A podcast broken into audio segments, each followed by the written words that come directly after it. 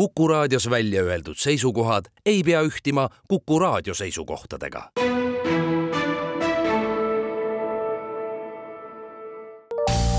terviseks. Saadet toetab Lääne-Tallinna Keskhaigla, vaata ka keskhaigla.ee tere, head Kuku kuulajad, eetris on saade Terviseks ja kui me eilses saates rääkisime toitumisest ja seda selles valguses, et kui populaarne on toitumisharjumuste muutmine uusaasta lubadusena, siis tänasel teemal jätkame, mina olen Ingela Virkus ja koos minuga on stuudios Lääne-Tallinna Keskhaigla toitumisnõustaja ja toitumisterapeut Külli Holsting, tere taas! tervist! Kas äh, pühad iseenesest, et kui me räägimegi sellest, et on selja taha jäänud jõulud ja aastavahetus, kas kõik see on piisavalt pikk aeg, et kui vöö lõdvemaks natukene lasta ja nautida head ja paremat ja väga palju sellist võib-olla rasvast, praade, kas see on juba piisav aeg, et tervisele mingit sellist halba mõju avaldada? Jah, et kui see aeg on tõesti veninudki ühest söögilauast teise ja ühest peolt teise ja kui sellega on jällegi, peab jälle siin jälle kordama, et, et just nimelt nagu suurem alkoholi tarbimine on mõnikord isegi see suurem probleem, kui see võib-olla söömine sinna juurde. ehk et jah, vabad päevad äh, ei peaks jah, selles mõttes iga päev kindlasti ka alkoholi nagu tarbima. parem mõelda selle peale just, et kas on võimalik sel vabal päeval võtta ette mõni tore matk looduses või suusatamine või, või lihtsalt ühesõnaga jalutuskäik pargis või mere ääres, et see on kindlasti ka selline koos veedetud kvaliteetaeg ja parem kindlasti ka tervisele kuidas peaks siis äh, toituma, et sellest raskustundest kuidagi lahti saada, et äh, kas peaks äh, toidukoguseid vähendama või oma menüü üle vaatama? Jah, et pigem on alati hea mõelda selle peale, et, et mis teeb selle raskustunde, kas need on rohkem need lihatoidud, mida on aga, on rohkem söödud või need on ikkagi need magustoidud, mida on rohkem nauditud ja vastavalt sellele siis ka vähendada. et loomulikult me kõik peaksime sööma pisut vähem liha, äh, kui on, ega me täna, täna seda teeme ja kui jõulud oli nüüd siin selline suurem pidude aeg, siis miks mitte ka oma sellist natuke sellist süümekoormat vähendada ja proovida siin rohkem taimseid toite ja proovida ka rohkem rohkem kaunvilju ja nendest valmistatud erinevaid kas või kotlette või pikkapoissi, et ka saada natuke seda siis ka kaloraaži väiksemaks ja samas jällegi saada rohkem kiudainet, mis jällegi meeldivad meie kõhubakteritele. nii et selline köögiviljane ja, ja kaunviljane eh, selline toiduvalik võiks olla siin vägagi omal kohal kui me eelmises saates rääkisime, et eh, hästi tavaline on see, et eh, jaanuaris lubatakse, et nüüd ma hakkan trennis käima ja tervislikult toituma, kui palju sellest räägitakse või kui levinud see tänapäeval veel on, et ma hakkan dieeti pidama? eks ikka, et selles mõttes selline ahastus, kui see vöökoht ongi nüüd ühesõnaga pisut kitsamaks jäänud, siis see ahastus sellele sageli jah, on see, et ma pean nüüd ruttu midagi tegema ja loomulikult, kui dieedid lubavad, et sa võtadki ruttu kaalust alla, siis need on ikkagi ahvatlevad loomulikult dieedid alati kõlavad niimoodi, et me ühes saates rääkisime ka, et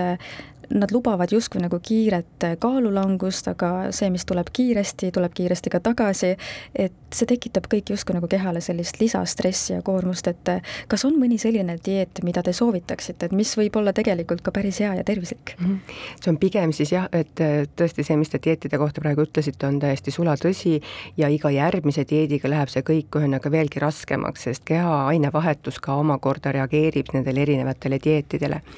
ja siin tahakski nagu öelda, öelda, et jah, pigem siis selline nagu mõelda, et ma muudan oma elustiili, mis on küll jah, tunduvalt raskem ja tunduvalt pikaaegsem projekt, aga samas tõesti palju püsivamate tulemustega. nii et äh, pigem jah, need väiksed sammud jõuab kaugemale ja muuta siis on aga mm, oma toitumist jällegi köögiviljarikkamaks, äh, liha asemel valida ikkagi rohkem äh, lindu ja kala või ka rohkem siis kaunvilju, me tegelikult ei vaja nii palju liha igapäevaselt oma menüüsse, eriti just siis ka loomaliha. Kui vaadata ka ökoloogilisest vaatenurgast, siis äh, linnuliha ja kalakasvatus annab ikkagi väiksema ökoloogilise jalajälje kui on aga looma, loomakasvatus ja sellepärast kindlasti tasuks neid pigem eelistada või proovida, et järjest rohkem siis ikkagi taimetoitu oma igapäevasesse menüüsse saada. et ähm, see on juba väga suur trend, eriti just Põhjamaades ikkagi pidada ka neid taimetoidupäevasid või lausa nädalaid, et need on igati nagu paslikud, on aga algused ja me saame kohe oma toidu toidulauda juba kergemaks ja, ja tervislikumaks kui tulla tagasi veel selle trenni tegemise juurde, siis äh, kuidas sellega on, et äh, öeldakse ju, et äh, kui järsku hakkad liiga palju trenni tegema, et sa võid ükskõik kui palju seda trenni teha, aga kui sa ikkagi sealt kõrvalt tervislikult ei toitu, siis ega midagi väga ei muutu. No kipub jah nii olema, sest see suur trennikoormus toob isu juurde ja, ja kui energiat kulub, siis me eelistame ka kohe selliseid toitaineerikkamaid sööke. Ja siis polegi midagi teha tõesti, et me saame küll trenniga äh, siis koormust juurde, kulutame küll rohkem energiat, aga samas kasvab ka lihasmass ja, ja kokkuvõttes jah, see kaalunumber ei pruugi üldse nagu selles mõttes väga palju muutuda. mis kahju see võib omakorda endaga kaasa tuua, kui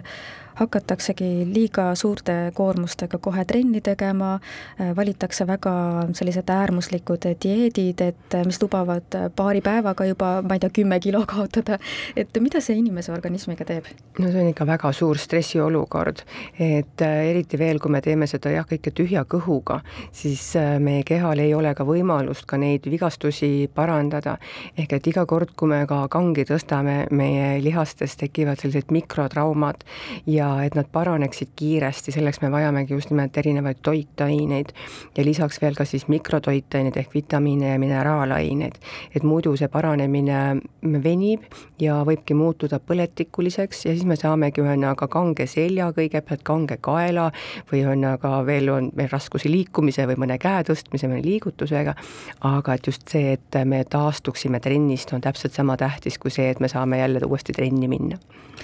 kuidas siis saavutada uuel aastal enda ideaalkaal, kui äh, inimese soov on oma toitumist muuta ja kaal kontrolli alla saada, et millest siis täpsemalt alustama peaks, et äh, tulemus oleks pikaajaline ja uued äh, söömisharjumused või elustiiliharjumused oleksid jätkusuutlikumad ja neist oleks kuidagi nagu lihtsam siis kinni pidama jääda? No esimene jah, selline soovitus on see, et, et püüda süüa ikkagi nii regulaarselt kui vähegi võimalik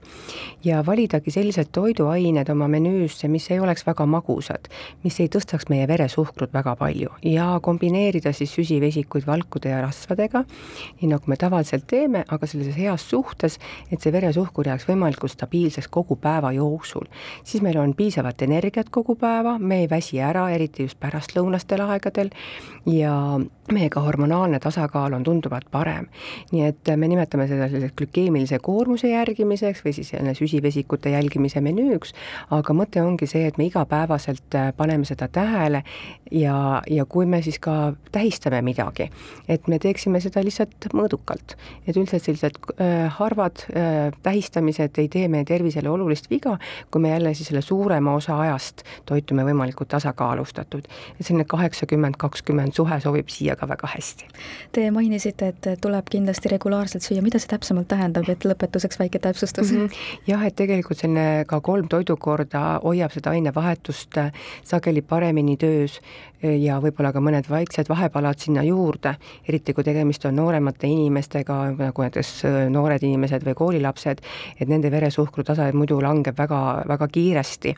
ja siis nad järgmisel toidukorral ei saa pidama. ehk et kõht on juba väga tühi, siis on väga raske seda portsjonit nagu piirata ja jääda nagu mõistlikkuse piiresse. ja kui me oleme terve päeva nälginud, jätnud toidukordi vahele, siis on selge, et me söömegi õhtul rohkem, kui meil tegelikult vaja oleks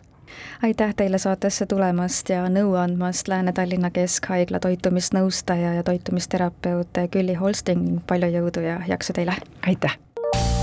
terviseks saadet toetab Lääne-Tallinna Keskhaigla, vaata ka keskhaigla.ee